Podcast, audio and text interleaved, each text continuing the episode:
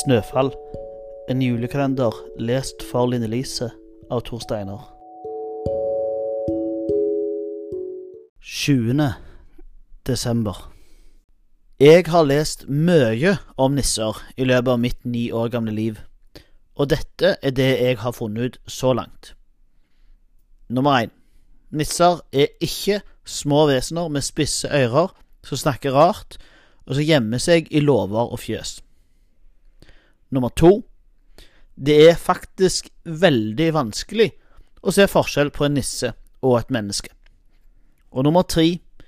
Nisser er stort sett glad i lek, julebøll og kaos.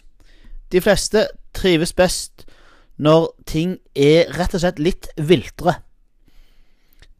Jeg sier stort sett og de fleste, for av og til dukker det opp en nisse som ikke er helt så alle andre.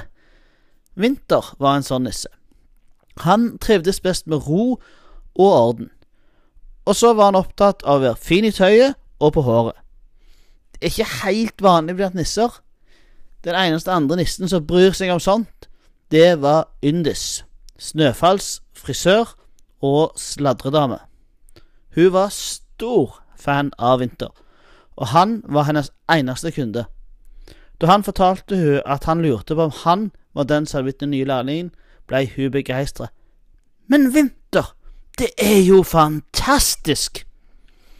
Ja, det er ganske fint. Fint, det er et julemirakel. Sier du det? Det er jo akkurat det byen vår trenger. Ja, kanskje. Makan, Vinter. Du blir den flotteste julenissen Snøfall noensinne har sett. Har du prøvd lærlingedrakten? Det er vel eh, litt eh, tidlig. Absolutt ikke. Her gjelder det å ligge i forkant. Ingen grunn til å vente, er det vel? Nei, det er kanskje ikke det, sa Vinter og smilte litt forsiktig.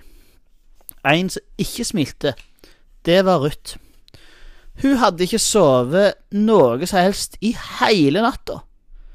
Da det endelig ble lyst og butikkene åpna, gikk hun ut og kjøpte smultringer til frokost.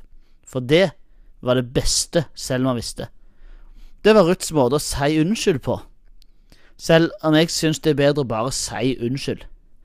Da blir det liksom ingen misforståelser. Mens Kjell har forklart at det er ikke alle som syns det er like lett. Til og med voksne kan ha problemer med å si unnskyld.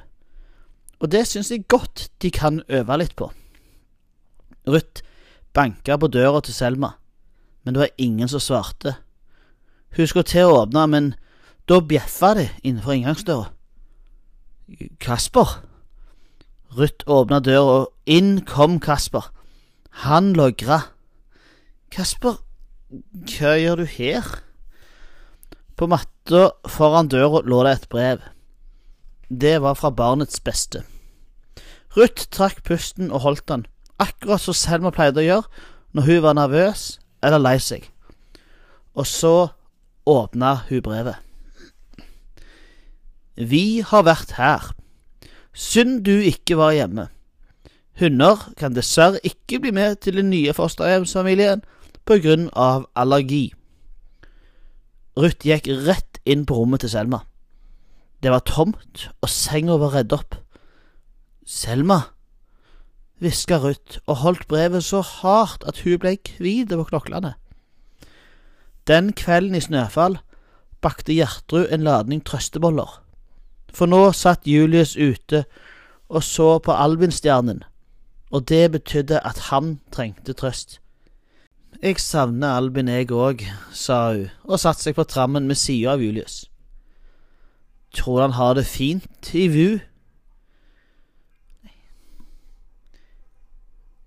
Jeg savner Albin, jeg òg, sa hun og satte seg på trammen ved sida av Julius. Tror du han har det fint i VU? Det er jeg helt sikker på, men livet går videre. Det gjør vel det. Heldigvis. Og nå har vi jo fått ny lærling. Ja, nå har vi fått ny lærling. Prøv å sove litt, sa Gjertrud og gjespa. Det ingen av de visste, var at akkurat da gikk det ei fregnete jente over ei snødekte vidde. Selv om hun var helt aleine, så var hun ikke redd, for en fin og vakker melodi hjalp hun gjennom snøen. Den kom fra noe hun kunne se langt borte, et slags lys. Jo nærmere hun gikk lyset, desto sterkere blei sangen, og da endra lyset seg. Nå var det ikke bare ett lys lenger, det var mange lys, og det lyste fra mange vinduer i mange små, koselige hus. Er det en by, tenkte jenta.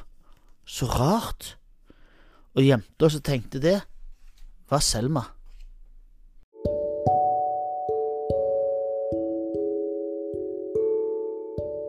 Følg med i morgen for neste episode.